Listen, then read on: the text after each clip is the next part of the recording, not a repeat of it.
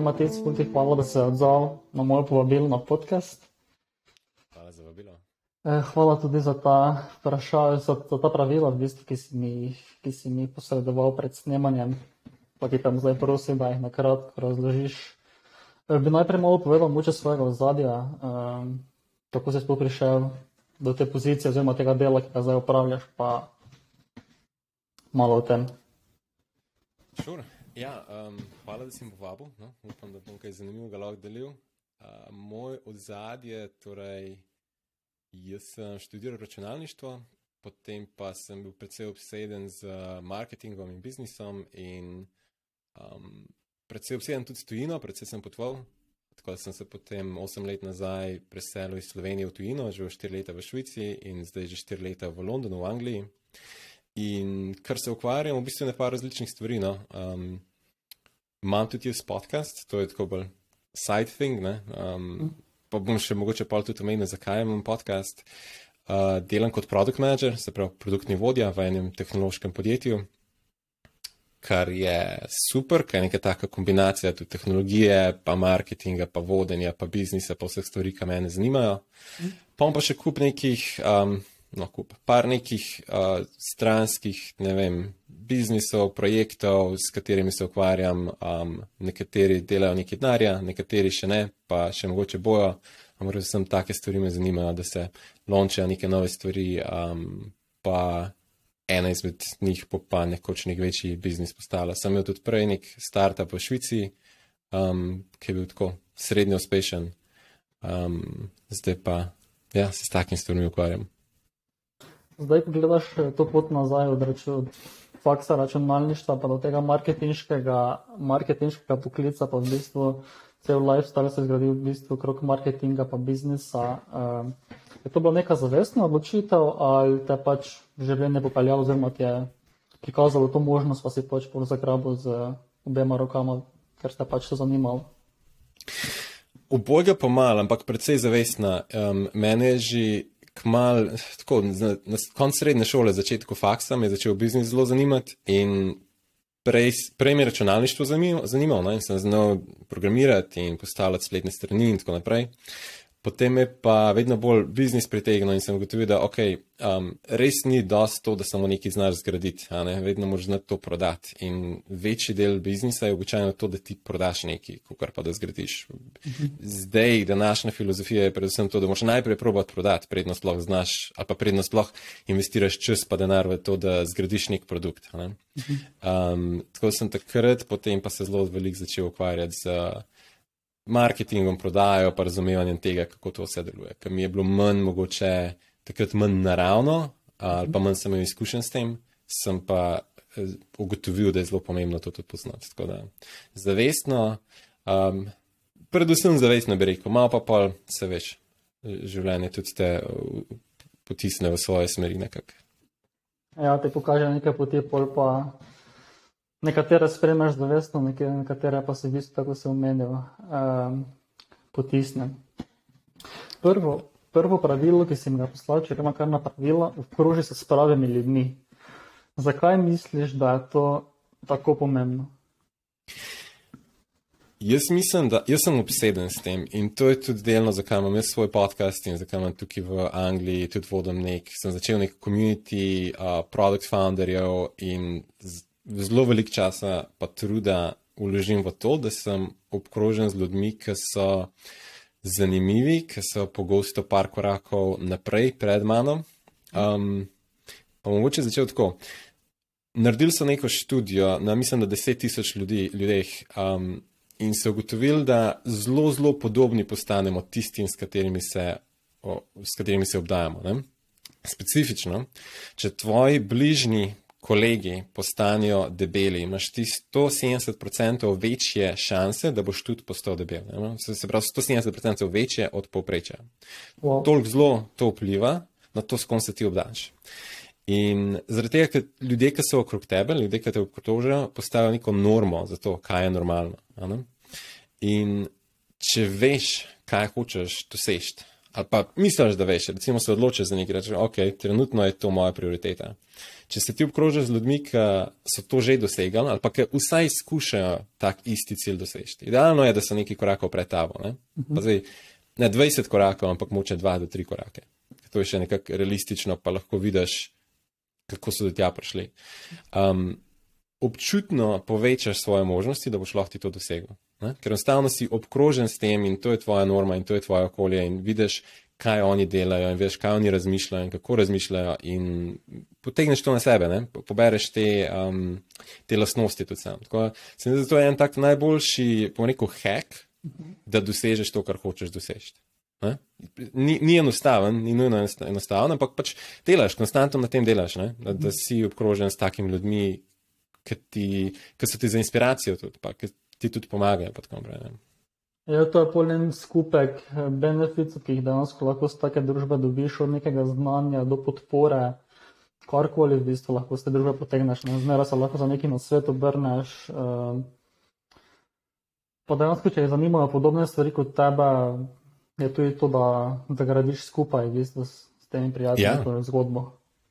Ja tudi to, da gradiš skupaj. Pa predvsem, ne vem, se mi zdi nekaj take, ali ko si dejansko obkrožen s takimi ljudmi, potegneš od njih neke patrone, ki jih zavestno mogoče sploh ne opaziš. Ne? Mhm. Ko si pa v taki družbi, pa pač vidiš, kako funkcionirajo, pa kaj delajo, pa kako razmišljajo. In enostavno ti tudi postaneš tak. Um, ti si naravni networker ali nisi? Gledal sem ta podcast z, z, z Janom, pa z, z obema, z Janom Pinteričem in pa Janjem. Ja. Pa bi za sebe rekel, da si ali nisi. Ne, ampak sem se postal. Sem. Ugotovil sem pred časom, da sem, postal, da sem zelo postal networker. Jaz sem bil včasih zelo, zelo introvertiran in sploh nisem se ne vem, s nekim networkingom ukvarjal. In potem sem prebral eno knjigo, ki mi je, po mojem, tako top pet knjig, ki sem res life spremenila. In sicer naslov je bil um, Never Eat Alone.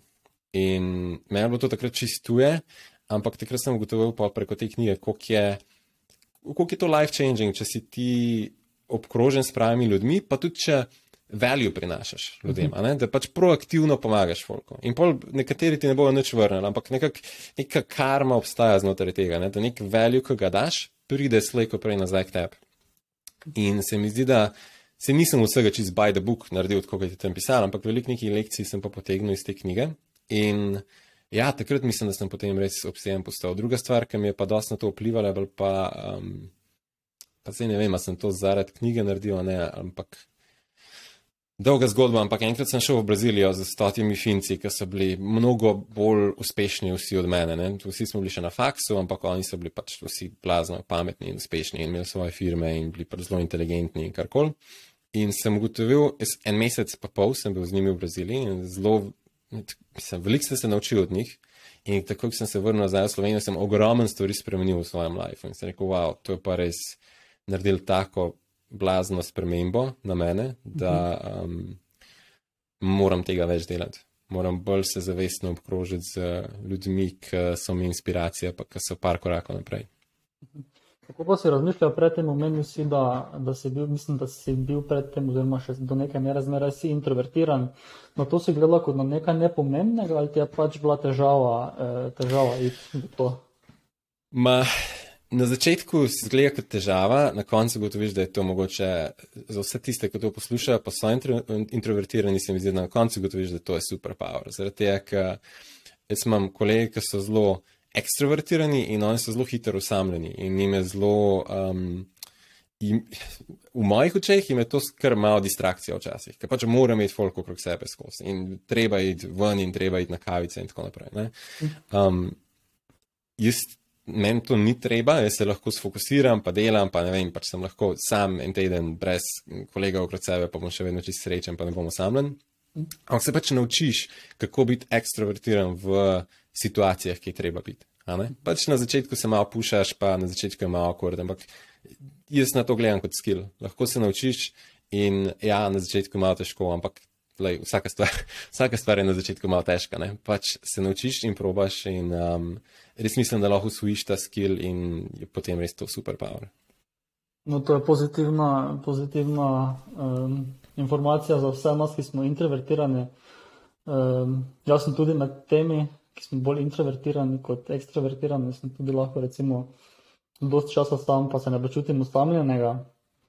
Ampak je pa to definitivno med top pet stvarmi, ki se jih želim naučiti, ker sem pač spoznal, da to je res pomembno. Uh, tako da ta podcast je v bistvu korak v to, da to izboljšam, kar je, kot pač lahko si predstavljaš, to full izven cona mojega mm. obdobja. Sem se tudi po eni strani odločil, da začnem. Super. Mislim, to je, to je super korak naprej. Pa pač vedno, da poskušaš. Jaz, jaz sem bil kar zelo velik. Se mi zdi, da zdaj mogoče manj razmišljam o komunikaciji, ker sem. Ne, da sem ne vem, kako dober komunikator, ampak sem good enough za moje, za moje pojme ali pa za moje standarde. Svoje čase sem pa zelo veliko o tem razmišljal, ne? kako boljš komunicirati ljudi, z ljudmi, pa pristopati k ljudem, pa, pa komunicirati to, kar hočem, pa um, tudi te, pač sem stike navezati, ne? pa obdržati stike. Pa Eh, kako pa gledaš na ta, eh, pač vemo, da so recimo američani so full odprti, pa so full ekstrovertirani. Kako pa gledaš zdaj, recimo, živel si v Švici, pa živel si v Veliki Britaniji, kako gledajo na to tam, oziroma ko si se s temi ljudmi družil, kako, kakšno imajo mišljenje o tem? Ja, pa bil sem tudi nekaj časa v Ameriki in mi je bilo super in me je v bistvu zelo pozitivno presenetilo to, kako ekstrovertirani so. In glede na to, da sem introvert, mi je bilo to v bistvu full dobro, ker ne vem, tako fajn je bilo, enostavno se je bilo pogovarjati, mogoče zaradi tega, ker meni ni bilo treba toliko dela narediti, ker oni pač. It just flows, ne? oni pač začnejo pogovor in, in vodijo pogovor, in ti si samo tam in uh, ne rabiš toliko narediti. Ampak pa lahko vidiš, da mogoče je fajn, če se naučiš tudi voditi pogovor, ne, ne samo biti del pogovora. Um, v Švici je bilo zelo težko, švicari so zelo, mnogo bolj, bi rekel, uh, tako, reserved, kot pa tudi kot mi slovenci. Um, v Angliji, recimo, se mi zdi malo bolj enostavno. Um, zdaj je pa še vedno težje, kot pa v kakšni Ameriki, ki je pa zelo, zelo zgovorna. Um, ampak, ja, ne, definitivno so razlike med kulturami. V Sloveniji, kaj pa jaz vem, um, smo. Slovenci bolj zgovorni, ali bi rekel, da Angleži, Švicari vsekakor manj. Angleži, mogoče malo bolj, niso pa zdaj spet najbolj ekstrovertirani ali pa najbolj social, pa zgovorni ljudje. Mhm. Čisto odvisno tudi na koga narediš. Tudi, ja, mislim. Naslednjo, naslednjo pravilo, ki si ga spostavil, poseben si, tako kot vsi ostali. Ja, um, tukaj ste v bistvu dva dela tega. No? Um, prvi je ta, da včasih Meni se je to zelo veliko dogajalo, pa mislim, da se drugim tudi, da nekdo, ki nam je recimo inspiracija ali pa nekdo, ki se nam je v naših očeh zelo uspešen, ne? zdaj to lahko nek uspešen športnik ali pa podjetnik ali pa celebrity ali pa karkoli. Se nam zdi, kukar, da to je pa zdaj neka oseba, ki je pa, bo neko v narekovajih special, ne? da oni so pa na nek način posebni in drugačni od nas in da ne v naših očeh so, da, da mi ne bomo tega dosegali ali pa da se kar malo težko, recimo, pogovarjaš ali pa družiš ali pa poistovetiš tako osebo. Ne? In en pregovor v angleščini je, ali pa tako rek, never meet your heroes. Ne? In jaz, jaz mislim, jaz bi rekel, da je lih obratno. Ko spoznaš te svoje heroje, ugotoviš, da niso čisto nič posebni. Ne? Večino teh ljudi, ki jih tako v zvezde kujemo, ugotoviš na koncu, ko se enkrat spoznaš z njimi ali pa družiš z njimi, da so v bistvu enaki kot ti, ne? na, na nekem nivoju. Ma iste napake imajo in tudi so awkward in tudi so, ne vem, introvertirani ali pa ne, in tudi jim ni vse jasno, čeprav včasih mislimo, da njim je pa vse jasno. Ampak pač so imeli nek del sreče. Nek del je pa to, da so ugotovili tisto stvar, ki njim res, ki njim, njim res pisana na kožo. Ne? Se pravi, najdel so tisto, v čemer so dobri, običajno. In se pravi, prvi del tega, da nisi poseben, um, oziroma poseben svet, kot vsi ostali. Je to, da noben ni nič poseben, vsak pa ima nekaj posebenega, v čemer je lahko izredno dober. En, en primer, recimo, jaz sem se par mesecev nazaj sem se pogovarjal z um, Mateožem Petkom, ki je bil, on je bil, mislim, da svetovni prvak ali pa drugi na svetovnem nivoju v snowboardanju. Ne? In je rekel, je rekel, lej, jaz sem probal, sem spomnil točno, tri športe, da, da je probal profesionalno se z njimi ukvarjati. Pa ne, je bilo plavanje, rekel sem bil katastrofa, smučanje, rekel sem mu tako, ok, rekel pa snowboardanje, sem pa najboljši na svetu. Ne? In potem isto je bilo v svetu biznisa. Ne? On je potem se podal v biznis in je uh, nek startup, nek app so launchal enih ma, ne vem, po mojem, že kakih 90 let nazaj. Je pa tisti tako srednjo uspešno. Um, prišli so v Ameriko, v Y Combinator, ampak na koncu app ni bil uspešen. In so pa potem agencijo iz tega razvili, ki je pa zdaj, kot jaz vem, zelo uspešna agencija, ne? po, mm -hmm. uh, po Violabs, mislim, se reče. In je rekel, lej, v biznisu je isto, ne? mi smo provali produktni startup in smo bili, ne, tako pač, ok, ampak nič posebnega. Agencija, zdaj smo pa vrhunski. Ne? In kot oseba mislim, da moraš najti tisto stvar, kaj, kaj je tisto, ti, v čimer pa si ti poseben. Ni, noben ni poseben, da je pač tako dober, da kar jim je vse jasno, pa so samo dobri. dobri. Najdeš pa eno stvar, v kateri si ti lahko osebno uspešen, ali pa osebno dober. dober. Zdaj, kako to najdeš, iskati moraš, pa mhm. probavati moraš. Ni, sam z razmišljanjem ne najdeš, ne? To, mhm. to definitivno ne. Ja, tudi razmišljati je treba, ampak um, iščeš in najdeš, in najdeš tisto stvar, v kateri si pa ti lahko poseben, pa ekstremno dober, pa mogoče najboljši na svetu. Mislim, da je Naval rekel, da vsak neki v smislu, um, vsak je lahko najboljši na svetu, samo redefinirati moraš to, v čem skušaš biti najboljši, dokler ne najdeš v ne stvari, v kateri si ti unikatno lahko najboljši. Mm. Ja, se to neko iskanje, pa nekega, da si nekega odprtega duha, da probaš različne stvari, mislim, da to je ključno, ker s tem, ko boš različne stvari probaval, pa ko boš videl, v čem nisi, ne, v čem nisi dober, v bistvu pač je enako pomembno kot to, kot, ko odkriješ, v čem si dober, ker pa zdaj, ok, veš, v tem pa tem nisem dober, tako da posledično bi naj enkrat prišel do tega, da odkriješ to, v čem si dober, pač napake pa so neki sestavni del tega, pač mm. to moraš sprejeti. Ja, absolutno. Ja. Um, pa mogoče en del je še tukaj to, da ne moreš pa, ne moreš pa kar samo iskati skozi. Ne? Treba je tudi nekako se odločiti. Se mi zdi, da veliko ljudi je tako malo zgubljenih.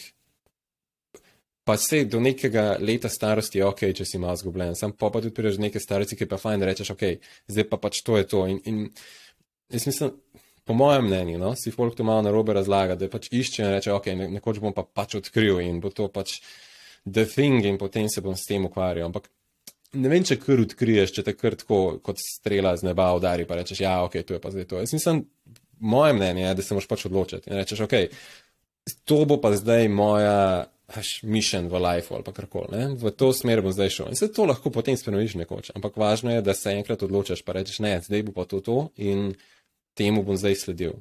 Pa, pa mogoče pa nekoč rečeš, ok, v bistvu to ni to, ampak bolje je ta switch, da namesto da iščeš, pa čakaš, da bo pač neki se kar zgodil, mm -hmm. da se ti sam odločiš zavestno, pa rečeš, ok, to je to. To ja, bo zdaj moj cilj. S tem sem v prvi epizodi govoril z Simonom, ki je zelo dobro pač razložil, kdaj iti v širino, pa kdaj v globino. Pa ravno v tem razlagal pač, da če si razprostren po celem trgu, pa nisi nikjer specializiran, pač no go, ker je svet preveč kompleksen in nekje, nekje moraš biti fokusiran. Je pa tudi pomembno, da nisi fokusiran samo v, eni, v enem področju, ker pol ti ne moreš biti toliko boljši v enem področju od tistega, ki je prav tako samo v enem mm. področju specializiran. Tista, tista, eh, tista razlika, ki pol, oziroma tista, tista stvar, ki pol naredi razliko med konkurenco, je v bistvu ta neka širina in kako kombiniraš različna področja, področja nad sabo.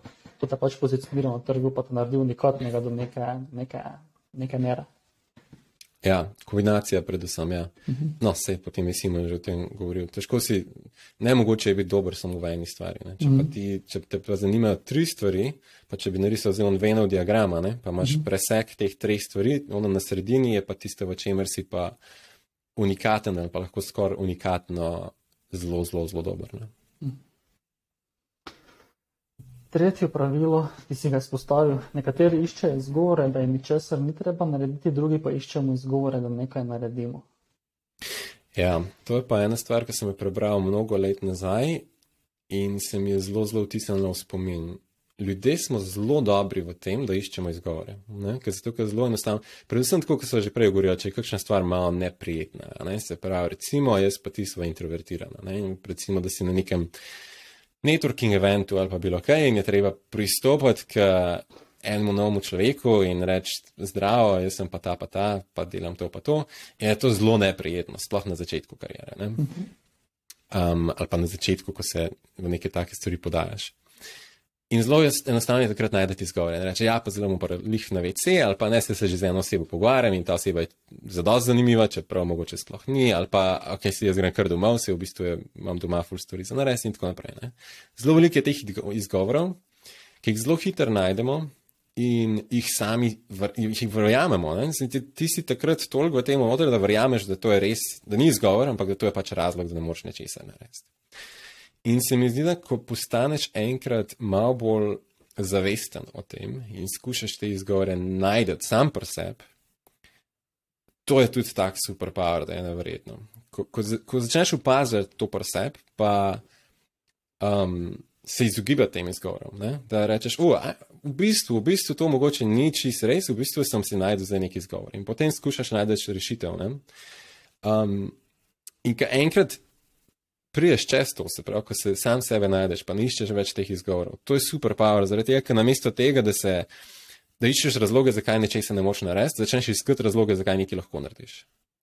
In, In tudi postan, jaz osebno sem potem postal zelo alergičen na ljudi, ki pa, ma, ki pa iščejo te izgovore. Ker začneš opažati, vidiš, kaj je sem izgovor, kaj je pa res razlog. Rečeš, ne, ne, ne, ne, ne, ne to, ni, to ni res razlog, to je izgovor in to je full glupo, zaradi tega, ker zdaj zaradi tega pač ti ne delaš tisto, kar bi mogel delati, pa mi kot ekipa ne delamo, ne, se ne premikamo naprej in tako dalje. Tako da um, ta je malo manj, mogoče to recimo pravilo, je malo manj. Um, ne vem, kako bi rekel, strateško ali pa manj filozofsko, kot tu nekaj so prej rekli, ampak je zelo, zelo taktično. To je zelo pač day to day, ko neke stvari delaš ne? in ko vidiš, da neki ni mogoče, v narekovajih bo rekla, ali pa neki ne moreš narediti, se ustaviš pa rečeš, a, a res ni mogoče, ali se sam bojim, ali pa mi je sam neprijetno. Ne? In če je sam neprijetno, potem, ok, temo malo razmisliti, kako lahko zdaj ta izgovor spremenimo v rešitev. Ja, pomembno je, da prepoznaš pri sebi, pač dobro pri drugih je to mogoče lažje, ko ocenjuješ, oziroma ko poslušaš nekoga drugega, pa točno veš, aha, išče izgovore. Pri sebi pa je to malo teže, ne, teda se mi zdi, da to ključnega pomembno, ko sam sebe toliko razumeš, da veš, da v bistvu bullshitaš z nekimi, z nekimi izgovori, zakaj da recimo tega ne bi naredil. Ampak ko pa prepoznaš, ko prideš do tega, da prepoznaš vzorce, da v bistvu iščeš izgovore, da začneš na tem zavesti dela, pa se mi zdi, se mi zdi super. Mm.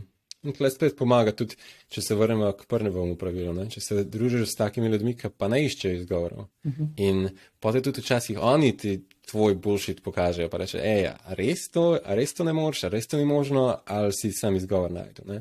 Pa vidiš tudi pri njih, kako ne iščejo izgovor in pa, hopefully, ne, se naučiš tega. Uh -huh. Ja, pomembno je tudi, da imaš to družbo, ki te v bistvu več čas proba nekako usmerjati. Um, ker v bistvu, da sam sebe več čas usmerjaš, do, do neke mere gre, ampak pol pa je vedno težje, ker um, imaš neke zgodbe v glavi, ki jim začneš verjeti. In če nimaš neke osebe oziroma neke družbe zraven tega, ki ti pač pove, da ni tako, pa tako, kot ti recimo razmišljaš, se mi zdi eh, ful pomembno. Mm. V tej družbi to bo mogoče še tudi malo pri zadnjem pravilu, no, prišlo potem, uh, um, po tem gorila. Ampak pri tej družbi je tudi tako, ne, obstaja neko nek tak pravilo ali pa guideline um, 33%, ker ne vem v bistvu, kdo je to izumil, pa kdo je o tem začel prvi govoriti, ampak da se moraš družiti 30% z, ali pa obkrožiti 30% z ljudmi, ki so recimo na istem nivoju kot ti. Ne? Se pravi, to so taki, ki so običajno podobne starosti, imajo nekak podoben, podoben level uspeha in so ti nekako enakomerni frendi. Ne? Z njimi se razumeš, pa si pomagate in tako naprej. 30% z, ali pa 33% z ljudmi, ki so bolj uspešni od tebe, ali pa s tistimi, ki so že par korakov naprej pred tabo. Spet, običajno je to bolj, če niso deset korakov naprej, zaradi tega, ker se ne moreš poistovetiti z njimi. Ne? Če se jaz združim z vem, Jeffom Bezosom, je to meni zelo malo uporabno, ker imam pač na čist drugem nivoju in se verjetno dejansko ne bom veliko od njega naučil. Ne? Če pa se družim z nekom, ki je, ne, nekak, bom rekel, ne vem, par korakov pred mano, se pa lahko zelo veliko od njih naučim. Um, 33% časa pa tudi z ljudmi, ki so pa manj uspešni od tebe. Se pravi, to so pa tisti, ki jih pa jim ti pomagaš, pa jih ti mentoriraš, pa jih ti kaučaš. Zaradi tega, ker dva razloga sta za to. Prvo je, da tudi s tem mentoriranjem se zelo veliko naučiš, ker takrat nekako razmišljaš, kako stvari te funkcionirajo, pa razmišljaš, kako zdaj to najbolj skomunicirati nekomu drugemu in kar veliko odneseš od tega. Um, istočasno pa tudi ugotoviš, da si do neke mere uspešen, ne? ne glede na to, na kakem nivoju si. Ker če se družiš samo s tistimi, ki so boljši od tebe, to je lahko težko včasih, ker si tako najslabši med vsemi. in, in to je lahko psihološko kar naporno. In mm. jaz sem že definitivno bil kdaj v takem položaju, ker sem se preveč obkrožil z ljudmi, ki so bili vsi boljši od mene, in sem rekel, pa jaz sem vse narobe v life naredil, meni men pa čisto če lava. Um, tako da za, za sam kontekst, pa za, bomo rekli, neka mentalno zdravje, je to tudi je to nek tak balans, ki je um, v redu.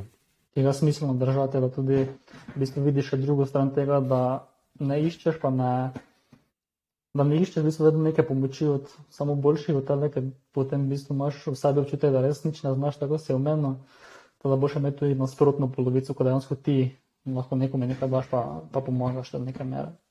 Mm -hmm. ja. Zdaj lahko dosežeš, če vsak dan narediš en korak naprej. Ja, um, včasih, predvsem, če si predvsem ambiciozen, pa si zadaš velike cilje, sta dva problema s tem. Eno je to, da včasih ne verjameš s tistim ciljem, kaj tako pač nekaj si želiš, da bi to tiratelj uspet, ampak ne verjameš čez vase, da je to sploh možno, ne, da ti pa lahko to dosežeš. Predvsem na začetku karijere, ker še nimaš nobenih nekih dokazov, da te pa lahko neke take stvari uspejo. Ne. In zaradi tega dve stvari sta. Um, fajn je te stvari razdeliti, ali pa ti cilje, karkoli že so, neke svoje ambicije, razbiti na manjše korake, predvsem pa je zelo pomembno biti konsistenten, pa konstantno na tem delati. To je spet en superpower, ki se mi zdi, da ga v, med ljudmi tok, tok, tok zelo manjka. Zelo veliko ljudi, ki imajo neko idejo ne? in tako, ok, jaz bom pa zdaj to, pa to, ne vem. Jaz bom pa zdaj YouTuber ali pa karkoli, ali pa TikToker, ne? te stvari so zdaj popularne. In potem objavijo dva videa in potem nehajo. Až to je, mislim, z dvemi videi ne, ne bo nobeno uspel. Uspel bo tisto, ki bo 200 objavil ali pa 2000. Ker po dveh videih nič še ne znaš in nič še ne veš in vse delaš na robe in itak, da nimaš uspeha.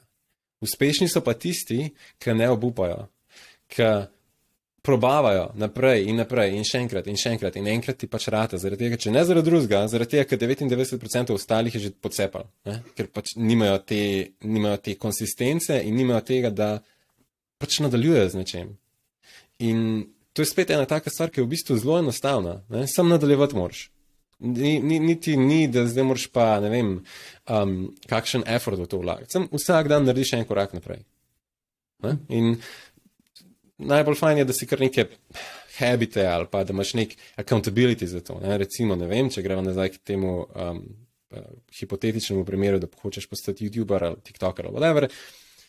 Mogoče spet obkrožiš s tremi drugimi kolegi, ki tudi hočejo to postati. Rečeš, ok, zdaj imamo pa med sabo accountability, mi bomo pač vsak dan, vsak dan, vsak dan bomo objavili en video.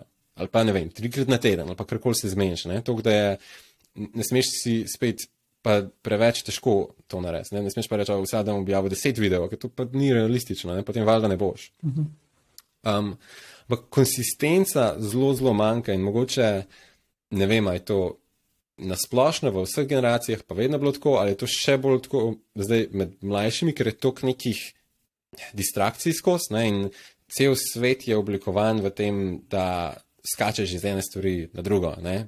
Pa vse ni neki konsistence, ni nekih dolgotrajnih projektov, vse je zelo kratko in hitro, in če ni hitrega tega dopaminskega rewarda, pač gremo dalje. Um, in to je superpower, če uspeš konsistentno, če se nečesa odločiš in uspeš konsistentno na tem delati. En procent, pomal pa pomal, en, en korak naprej vsak dan. Um, in mislim, najbolje je tukaj si, mislim, da neke mehanizme potem uh, zorganizirati, ne, da ali si nek habit zgradiš, ali imaš nek habit tracker, ali imaš nek tak accountability groups friendly, ali imaš, ne vem, bilo kaj.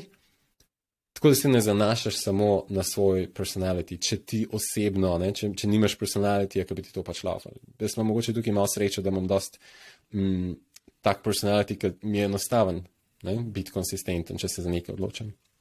Um, pa še vedno si, kljub temu razne sisteme, ne, pa razne neke heke za to postavljati. Recimo. Ampak ja, to, to je to. Rezultati so vedno samo v, na dolgi rok, na kratki rok ni ničesar. To, to je zelo težko verjeti, pa zelo težko razumeti, ampak tako pa če. Mislim, da se potem postavi ta cilj, ki si ga zadaneš, da si probaš zgraditi neki lifestyle okrog tega, ko točno veš. Um, to, da, točno veš, kaj moraš narediti, da ga zasleduješ, pa da pri tem tako si omenil, ostaneš konsistenten. Kako pa gledaš na to, uh, na ta drugi pogled, uh, ki ga lahko tudi zasledimo v raznih nekih motivacijskih knjigah, da pač dojameš oziroma se zavedaš, kdaj pa mogoče moraš nehati z to konsistenco pred nekem, ker recimo to ni tvoje področje, mogoče ti življenje hoče povedati, da nisi za to, da se moraš preusmeriti. Kako pa gledaš na to, kako najdeš ta balans, ko veš, da moraš vztrajati, vztrajati, vztrajati, pa ko, ve, ko se začneš zavedati, da mogoče pa to res ni to, da ti ni namenjeno, če karikiram. Ja. Jaz mislim, da do neke mere je tle spet odvisno, kaj ti bolj ustreza. Meni osebno zelo ustreza delati več stvari naenkrat. Ne, jaz, če delam na samo enem projektu ali pa samo enem, ne vem, jobu, biznisu, karkoli že, se dolgočasno začnem. Mi, mi, mi sploh ne stimulira, bi rekel. Ne? Je premalo, ne vem, ja, premalo me stimulira, ali kaj. In zaradi tega imam, mi vedno več stvari se naenkrat dogaja. In za mene odgovor je, itak moram početi več stvari naenkrat, ko vidim, da je ena stvar, ima precej več nekega potencijala, ali pa mnogo bolj noter potegne, v redu, pa bom pa tisti stvari dal več svoje pozornosti, pa energije, pa časa, pa eno stvar, ki me najmanj zanima, ali pa od katere imam najmanj nekih rezultatov, tisto pa opustim takrat. Tako da to je, to je odgovor za mene, ker mi ustreza več stvari naenkrat delati, ne? ali pa na več, več nekih projektov naenkrat biti osredotočen. Um, Potem imaš pa drug tip človeka, ki pa jim to sploh ne ustreza, ne? ker pa se pa vedno sfokusirajo samo na eno stvar in ne morejo dveh projektov recimo naenkrat furati, ker jim to je distrakcija. Um, kaj je odgovor? Za tak tip človeka pa težko rečem, ker to pa nisem jaz, pa nimam s tem izkušen. Mm -hmm. Ampak mislim, da. Mislim, da več ljudi ima obraten primer, da prehiter obupajo z nečim, kljub temu, da niso najdel neke boljše stvari. Ne? Mm. Naj, če ti obupaš samo zaradi tega, ker se ti pač ne da, ali pa zaradi tega, ker si pozabil, ali pa zaradi tega, ker ne vem, pač ti je mačka umrla, pa se nisi dobro počutil, potem to ni pravi razlo razlog za obupati. Uh mhm. -huh. Če pa si mu rekel obupal zaradi tega, ker si najdel eno boljšo stvar, ali pa ker si ugotovil, da ta prvi projekt itek ne deluje, ok, to je pa potem pravi razlog za obupati. Uh -huh. Da moraš spet malo, mislim, da razmisliti o tem, ali si obupal iz njega izgovora ali pa iz njega boljših razloga, ali si z nečim se njihov ukvarjati zaradi tega, ker je dejansko si imel nek valid razlog. Ne? Uh -huh. Torej, tvoj, če sem prav razumel, tvoj lifestyle se stavlja tako, da v bistvu neke stvari odmerejo stane, v bistvu, ko skozi čas vidiš, da recimo, ja. tu najdeš neke stvari, ki so, ki so bolj perspektivne, te pa v bistvu najmanj perspektivna stvar, kot si omenil prej, v bistvu pada sama iz, iz življenja, pa avtomatsko nehaš. Tako. Yes. Smo že pri zadnjem vprašanju, bodi hvaležen za to, kar imaš. No, bodi hvaležen za to, pa kar imaš. Ta je pa tako, veliko bolj fluffy v primerjavi z ostalimi, ampak se mi zdelo pomembno to tudi zraven dodati, zaradi tega, ker um, mislim, da vsa ostala pravila so bila zelo nekako karjerno usmerjena ali pa zelo usmerjena v ambicijo. Ne? Zaradi tega take stvari pač me ne zanimajo in to je nekako moj lifestyle. Uh mhm. -huh. In če si predvsem ambiciozen, je zelo enostavno. Jaz poznam zelo veliko ljudi, ki so ambiciozni, pa so precej nesrečni v življenju zaradi tega, ker pač vedno vidiš vse te ljudi okrog tebe, ki so bolj uspešni in kaj vse bi ti še lahko dosegel in kakšen vse, ne vem, ali impact hočeš narediti in tako naprej in nisi še tam. Ne? In to je težko, ker nisi še tam, ker vsi pač delamo proti cilju zaradi tega, ker hočemo doseči tam cilj. Ne? In vedno potem hočeš nekaj več. In če si tak tip osebnosti, pa ne samo, če si tak tip, ampak mogoče spet s tem se jaz malo bolj poistovetim, pa za ta tip osebnosti se mi zdi to mogoče še malo bolj pomembno. Um, je pomembno, da se pa zavedaš stvari, ki so pa dobre v življenju, ali pa da, da imaš, da imaš nek ta um, gratitude ali pa hvaležnost za stvari, ki si jih pa že dosegel, ali pa stvari, ki jih imaš v življenju, pa so čisto redo. In to so doskrat tudi. Na koncu tako ugotoviš, da večina uspeha je to, da imaš osnovne stvari pokrite, a ne se pravi, da imaš ne vem, kolege, pa da si zdrav, pa da imaš stanovanje, kjer lahko živiš, pa da nisi čist zbral to, da si lahko hrano kupaš, pa prvoščaš v ne osnovne stvari. Ne? To je baseline, ki ti že prenese vredno 80% happinessa, vse ostalo je potem še tist ekstra. Um, in gratitude oziroma hvaležnost, ne, je tudi ena stvar, ki se jo da vaditi in naučiti. Tudi če mogoče po naravi nisi najbolj hvaležen, je to ena stvar, ki se da ne, ne vem, recimo dnevno si vzameš pet minut ali pa minuto, kakorkoli že, ne, samo spet dnevno, pa konsistentno si vzameš cajt in razmišljaš, kaj je bilo pa, kaj se mi je pa zgodilo danes ali pa včeraj ali pa kaj pa imam v življenju, za kar sem hvaležen.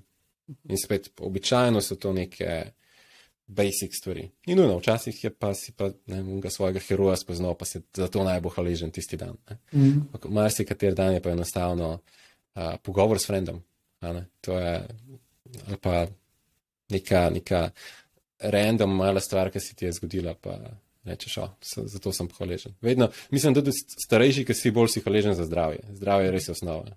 Takoj, ko, mislim, so vsi kaj že un pregovor. Um, zdrav človek si želi sto stvari, bolan človek si želi samo eno. Ja. Mm. Tako da. Ja. V bistvu, če imaš te stvari, osnovne stvari, um, porihtane, kot si jih omenil prej, če se zavedaš, da si v bistvu bogatejši kot um, najmanj procentov celotne populacije, že to te da misliti, da je nekaj mera, da v bistvu imaš dosti več kot ima ostala, ostala procent populacije.